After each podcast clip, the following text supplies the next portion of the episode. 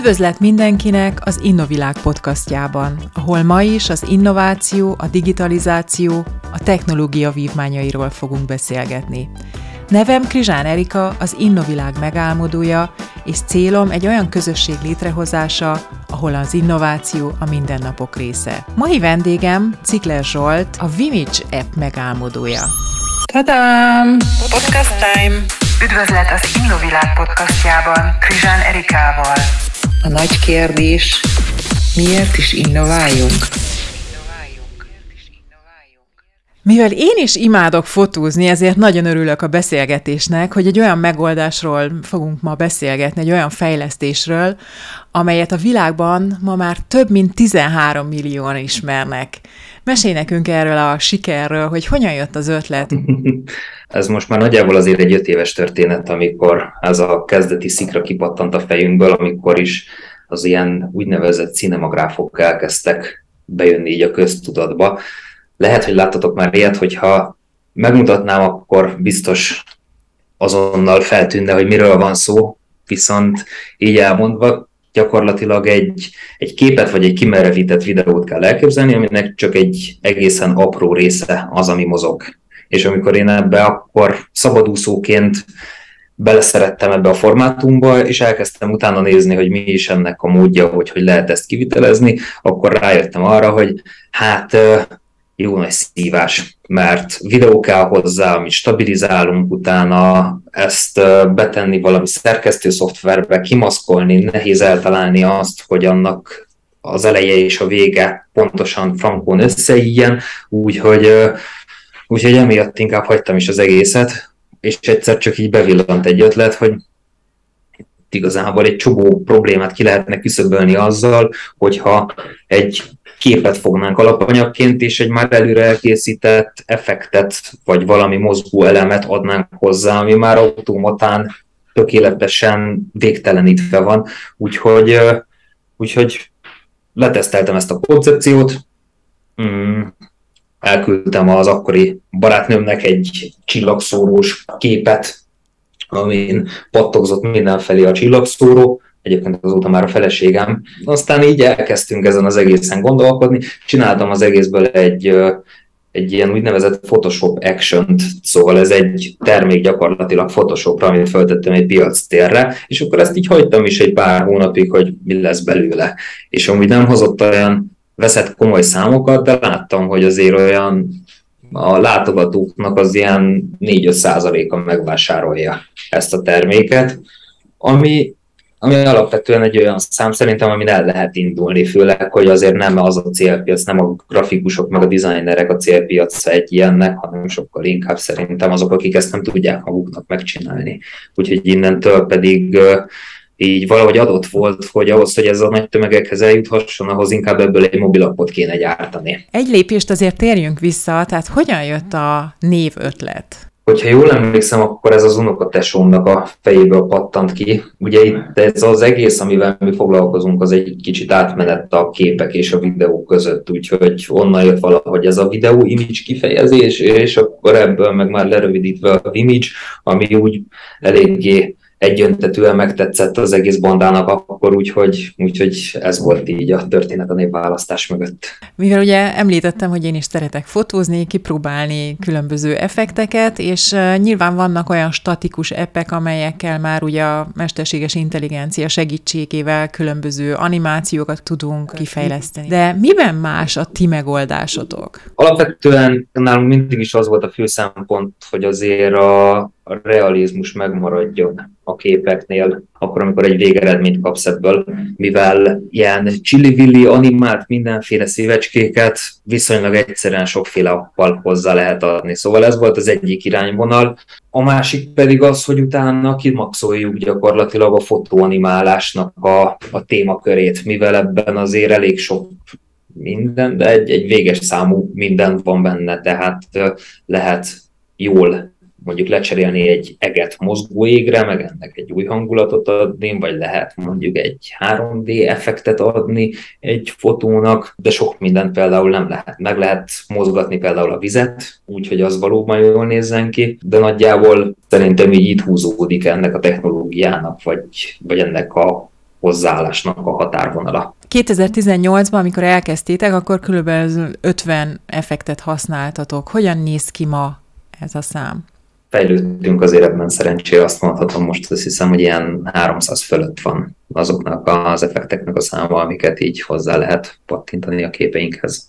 Melyek azok a kedvencek, ahol, ahol esetleg látjátok, hogy az emberkik szívesen játszanak ezekkel az effektekkel? Nagyon sokféle felhasználónk van, és nagyon sokféle módon használja. Vannak, akik az ilyen kis klasszikusokat kedvelik, mint például a gőz, meg különböző ilyen füsteffektek, vagy, vagy vannak olyanok, akik mondjuk inkább a már említett vizet animálják meg, de vannak olyanok, akik teljesen el is tudnak vadulni, és állatokkal pakolják tele az erdei képeiket, és akkor ott még nem tudom, különböző hullócsillagok esnek mindenhonnan, úgyhogy, úgyhogy egész széles a paletta. Hogyha egy kicsit a folyamatokról beszélünk, tehát felhasználó szemmel, ugye, tehát ott van, hogy vegyünk egy fotót, hozzáadunk effektefeket, és akkor ezeket az effekteket ugye lementhetjük, illetve az új képeket, és tovább küldhetjük. Tehát, hogyha esetleg egy naplemente a Szaharában lefutózásra kerül, akkor, akkor pontosan mi az, amit pluszt hozzá tudtok adni a ti effektjeitekkel? Hát most megpróbálok egy kicsit így fejben vizuálisan gondolkodni, de például egy ilyen esetben meg tudjuk tenni azt, hogy a napsugarak így egy kicsit kinyúljanak a képből, mint amikor például egy ilyen erdei képen átszűrődnek a levelek között a napsugarak. Egy ilyet hozzá tudunk szerintem viszonylag könnyen én adni, de szerintem egy homokviharral se nagyon lehet mellé élőni, esetleg egy-két megmozgatott felhő, hogyha már ott van rajta az ég. Én a YouTube Úgy, csatornátokon én... még egy pálmafát is láttam, ami utána elkezdett a szellők mozgására, vagy a szellők hatására Á, Igen, igen, például ezt is. 2017-2018-tól vagytok a piacon, rengeteg felhasználóval, 13 millió letöltés, tehát ez egy rengeteg szám. Biztos vannak folyamatosan napi visszajelzések, igények. Hogyan történik ez a fejlesztés? Igen, itt nagyjából nagyjából három információforrásra tudunk hagyatkozni. Ugye egyrészt a, a felhasználóink folyamatosan visszajeleznek, hogy mi az, ami tetszik, mi az, ami nem tetszik, mi az, ami működik, mi az, ami nem működik az appon belül, tehát, hogy ezen a nyomvonalon mindig el tudunk indulni. Ezen kívül a különböző analitika szoftverekkel meg tudjuk nézni azt, hogy éppen hol vannak elakadások, mik azok a pontok, amikre most mondjuk nagyobb hangsúlyt kell fektetnünk, illetve egy kicsit más, de ugye az a, amikor usability tesztelünk, és azt mondjuk, hogy odaadjuk valakinek az applikációnkat, és, és nézd meg, hogy mit kezdünk vele, mit kezdesz vele, vagy pedig konkrét feladatokat adunk neki, hogy na most figyelj, válasz egy olyan képet, ami a Szaharában készült, keresd ki a stockfotók közül, és, és adj hozzá valami fajta effektet. Legyen az akár egy pálmafa, vagy ilyesmi, és megnézzük, hogy hogy boldogul a felhasználó ezzel, hogy mik azok a pontok, amiken elakad esetleg, hogy tud azokon könnyedén tovább lendülni, és utána pedig erre megpróbálunk valami fajta digitális megoldást szolgáltatni, hogy hogy lehet ezt az egész journey gyakorlatilag még egyszerűbbé tenni. Melyek azok a fő technológiák, amelyek segítik ezeket az effekteket? Igen, ugye egyrészt már van egy 5 éves applikációnk, úgyhogy ez valamilyen szinten megköti a kezünket azt, hogy milyen dolgokhoz tudunk hozzányúlni, úgyhogy mondjuk ne kelljen az egészet a feje tetejére fordítani megvannak azok a különböző képmanipulációs eszközök, amikben otthonosan mozgunk, igen, és gyakorlatilag ez a limitáció ad valahol egy ilyen kreatív szabadságot is tudod, hogy mik azok a határok, amiken belül mozogni tudunk. Viszont van egy újabb appunk, az Expose nevezeti történet, az például egy teljesen új fajta technológiát használ, és ott, ott azért egész másfajta módon el tudjuk engedni a kreatív szabadságunkat, uh-huh. vagy a fantáziánkat. Mit jelent számodra a kreativitás? Nekem valahol a kreativitás meg az alkotás így talán kéz a kézben jár egymással. Tényleg az, hogy valami új dolgot összerakni, amire, hogyha esetleg utána még tényleg egy pozitív piaci reakció is van, akkor, akkor azt gondolom, hogy az így egy egész értelmes életet lehet élni, hogyha ilyen dolgokkal tud az ember nap mint nap foglalkozni. És mesélj a cégedről, tehát hogy ugye ti Pécsen vagytok, hogyan néz ki a fejlesztői csapat, mik a jelenlegi kihívások a mindennapokban? Hát ugye mi ezt a céget így a szabadság alapelve mentén próbáltuk meg felépíteni tényleg, hogy ne kelljen senkit mikromenedzselni, és, és mindenki pontosan tudja azt, hogy mikor mivel kell foglalkoznia, és ezen kívül, hogy hogyan oldja meg a dolgait, vagy hogy kitől kér segítséget, ez mindenkire egyénileg rá van bízva. Abszolút egy ilyen szabad szellemű vállalkozásban tevékenykedünk jelen pillanatban, tizen vagyunk, és eléggé a termék köti le a nagy energiáinkat, tehát így a marketing részlegen mondjuk másfelen ketten dolgozunk, kicsit így hibriden, de a többiek egyébként inkább a termékkel, vagy most már inkább termékekkel vannak elfoglalva. Ebben benne vannak a fejlesztők, a tesztelők, a, a product managerek, mert én is kicsit ide is sorolom magam, úgyhogy, úgyhogy így. De tekintve, hogy tizen vagyunk, és nagyon sokféle feladat van, ezért ezért azért nincsenek meg annyira élesen a határvonalak. Amikor termékekről beszélsz, a termékek fejlesztéséről, tehát ugye ez minden ágazatban különböző, ez mit jelent nálatok pontosan a termék? Tehát maga az app, az ahhoz tartozó effektek, vagy mi az a, mi az a termék, ami, ami igazából ezt meghatározza? Igen, ez az a három darab mobil applikáció, amivel jelen pillanatban a piacon vagyunk. Ugye ennek van egyrészt egy kód része, meg azok az ilyen vizuális tartalmak, amik benne vannak, azt gondolom, hogy ez adja a terméket valahol. Mm. Nyilván azzal a, azzal az élménnyel, vagy user experience-el, aminek a javításán folyamatosan dolgozunk. Már említetted ezt a három terméket, de akkor ezt a három terméket hol lehet elérni, hol lehet megnézni? Hát ez ugye úgy három termék, hogy a Vimage az iOS-en és Androidon is kint van, tehát hogy nekünk ez céges oldalról ugye külön termékként kell megközelítenünk, és az Expos pedig Androidon van kint jelenleg a store tehát az Apple-nek az App Store-jából és a Google-nek a Play Store-jából hogyha a Vimage vagy az Expose kulcsot beírjátok, akkor, akkor valószínűleg reményeim szerint első találatként minket fogtok fellelni. Akkor, hogyha az ügyfelekről, tehát azért 13, 13 millióan használják az appet, tehát hogy, hogy tudtok statisztikákat mondani, hogy melyik országokból, melyik irányokból vannak a legtöbb felhasználók? Igen, erre azért nagyjából rálátunk. Sok felhasználónk van Ázsiából, de most az elmúlt pár hónapban Dél-Amerika is egész felfutóban van, viszont a bevételeinknek a nagy része az még mindig az Egyesült Államokból érkezik. Kik azok, akik használják? Tehát van egy ilyen user irányotok, tehát amikor látjátok, hogy milyen korosztályú, milyen irányultságú?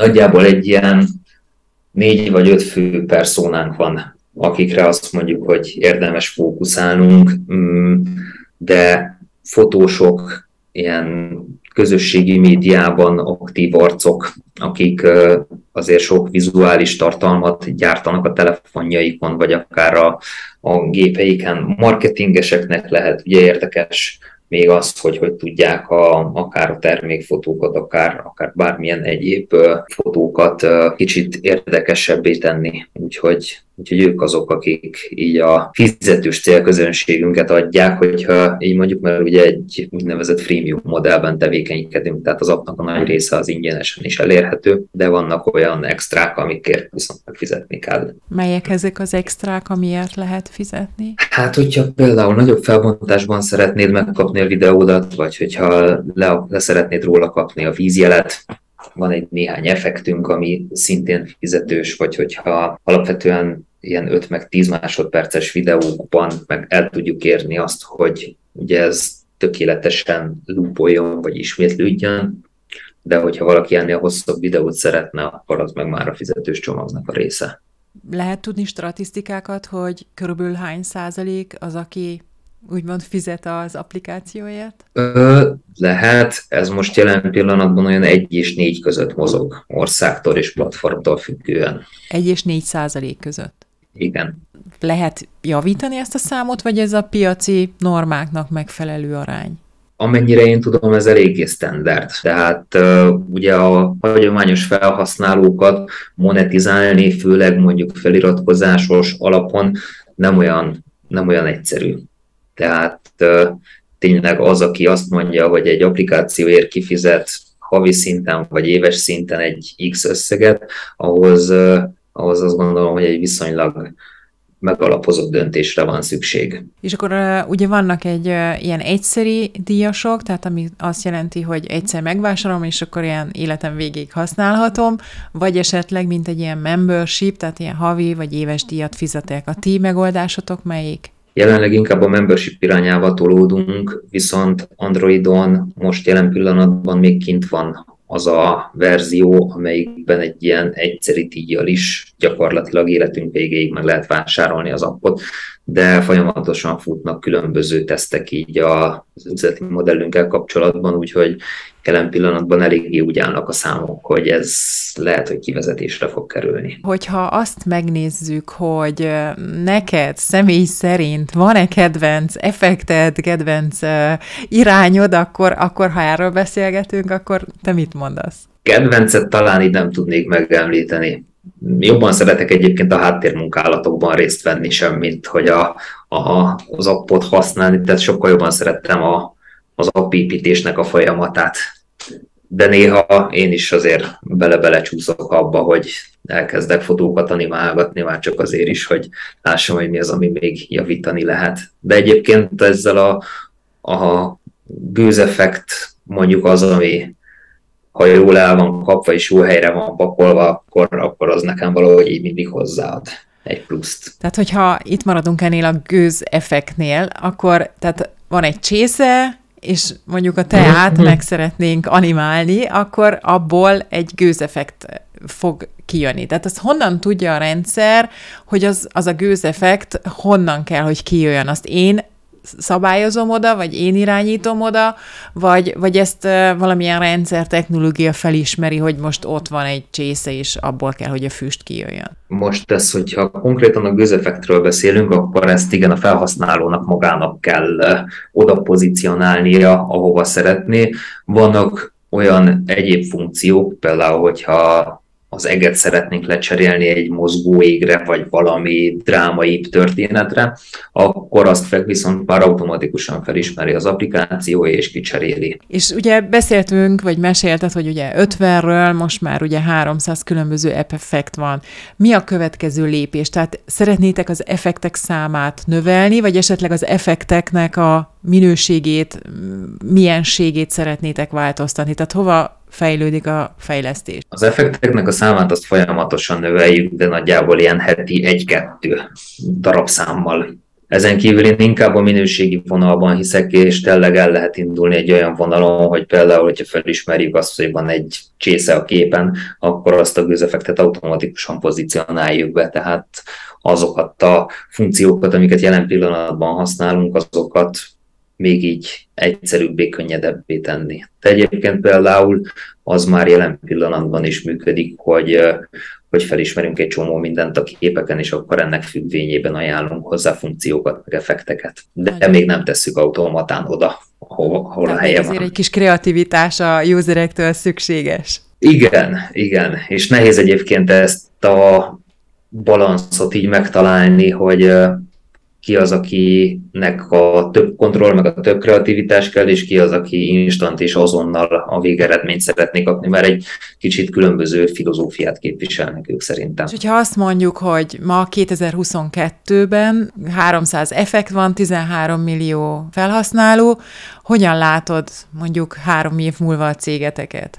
Hát most mi kütöztünk egy ilyen belsős célt magunknak, hogy azért a százig ne álljunk meg, 100 millió letöltésig, úgyhogy az mindenképpen ott lebeg előttünk, de a termékek darabszámát és a funkcióit szeretnénk mindenképpen javítani és növelni. Ennyire erős a konkurencia, tehát azért uh, ugye folyamatosan fejlődik ez a technológia, folyamatosan új appek érkeznek, tehát hogy mennyire féltek a konkurenciától? Félni nem félünk tőlük, de attól függetlenül ugye folyamatosan ott vannak, és egyre nagyobb cégek azok, akik mondjuk beszállnak ugyanebbe a versenybe. De azt gondolom, hogy jelen pillanatban még mindig ott van a saját egyediségünk, amivel, amivel ott tudunk lenni, vagy legalábbis ezt így a piac is jelen pillanatban visszaadja, de mi lesz velünk három év múlva ilyen e tekintetben, az, az egy kiváló kérdés. Ebben a mobilos képszerkesztő iparágban van legalább két olyan szereplő, aki az egy milliárd dolláros cégértéket már elérte, ami azért innen nézve eléggé megugorhatatlannak tűnik. Uh-huh. Tehát ilyen unikornis irányba törekedtek, úgyhogy... Hát én nem mondanám, hogy abba törekszünk, de minden esetre unikornisokkal kell harcolnunk. Úgyhogy... És szükségetek van a... külső támogatása, tehát befektetőket vontok be a fejlesztésekbe, vagy a fejlesztési irányokba, a nemzetköziségben? Hát jelen pillanatban pont a kezdő befektetőnknek a kivásárlásán tevékenykedünk éppen, de azért itt a jövőben nem határolódunk el ettől, nem folyamatosan monitorozzuk azt, hogy milyen irányok vannak, és hogy érdemes lenne vajon külső tőkét behozni ebbe a történetbe. Ha a magyarországi piacot nézzük, az úgy gondolom, hogy itt a relációkban Kína és Dél-Amerikához viszonyítva egy meglehetősen kicsi piac. Reméljük, hogy ugye a mi 10 milliós nagyságrendünkkel, akkor ezért egy pár millióval hozzájárulhatunk, különösen gondolom, hogyha esetleg célcsoportos lebont bontásatok van, így úgy gondolom, hogy a, a fiatalabb generáció az, aki szerintem ilyen app világban él, és ebben nőtt fel, és nekik nem új ez a app használati irány. De, de hogyan látod a magyar piacot? Ugye mivel mi egy elég kis csapat vagyunk, ezért fókuszálnunk kell, vagy pedig tömegként kezelni a különböző marketing stratégiáinkat, úgyhogy így direktben a magyar piacra nem szoktunk lőni. Vannak persze magyar partnereink, meg hogyha mondjuk usability tesztelni akarunk, akkor nyilván kézenfekvőbb az, hogyha magyar emberekkel csináljuk meg ezeket, de, de így külön stratégiai szinten nem szerepel nálunk, hogy ugye Magyarországra lőjünk, sokkal inkább egy ilyen globális terjeszkedésben dolgozunk. De reméljük, hát hogy csak az azért... világ podcast hallgatói már holnaptól le fogják tölteni az appet, és, és a Vimage automatikusan a különböző social media csatornákon is meg fog jelenni, mint esetleg egy kép effektek. Úgyhogy ezt így, így, így azért kívánom, és, és reméljük, hogy azért a magyar embereknek is ez lehetőséget ad. A másik kérdésem az az, hogy ugye tehát azért láttok különböző országok használati irányait. Tehát mondjuk egy magyar felhasználó és egy ázsiai felhasználó között mi a különbség?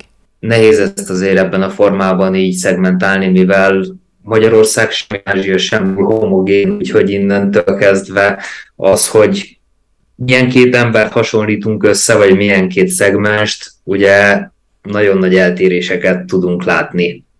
De mondjuk, hogyha csak vadkapitalista módon a fizetőképességüket közelítjük meg, akkor, akkor még azért Magyarország nekem még mindig fizetőképesebbnek tűnik, mint mondjuk egy India. Kínába viszont meg rettenetesen nehéz betörnünk, és jelen pillanatban ott még, ott még nem is igazán vagyunk relevánsabb piacon. Tehát akkor még van piaci rés, piaci irány, tehát ezért a kérdés ugye, hogy mennyire gyorsan, mennyire tudtok ebben a nemzetközi irányban még láthatóvábban lenni.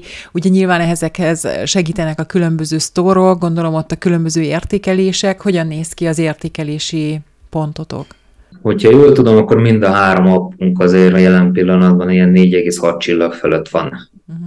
Tehát ez és a Vimage Android esetében azt hiszem, hogy már 150 ezer review fölött vagyunk. Mik a következő lépések az elkövetkezendő három évben, hogy ezt a 100 milliós letöltést elérjétek? Hát ugye a Vimage az még mindig azért egy ö, stabil láb ebben a történetben.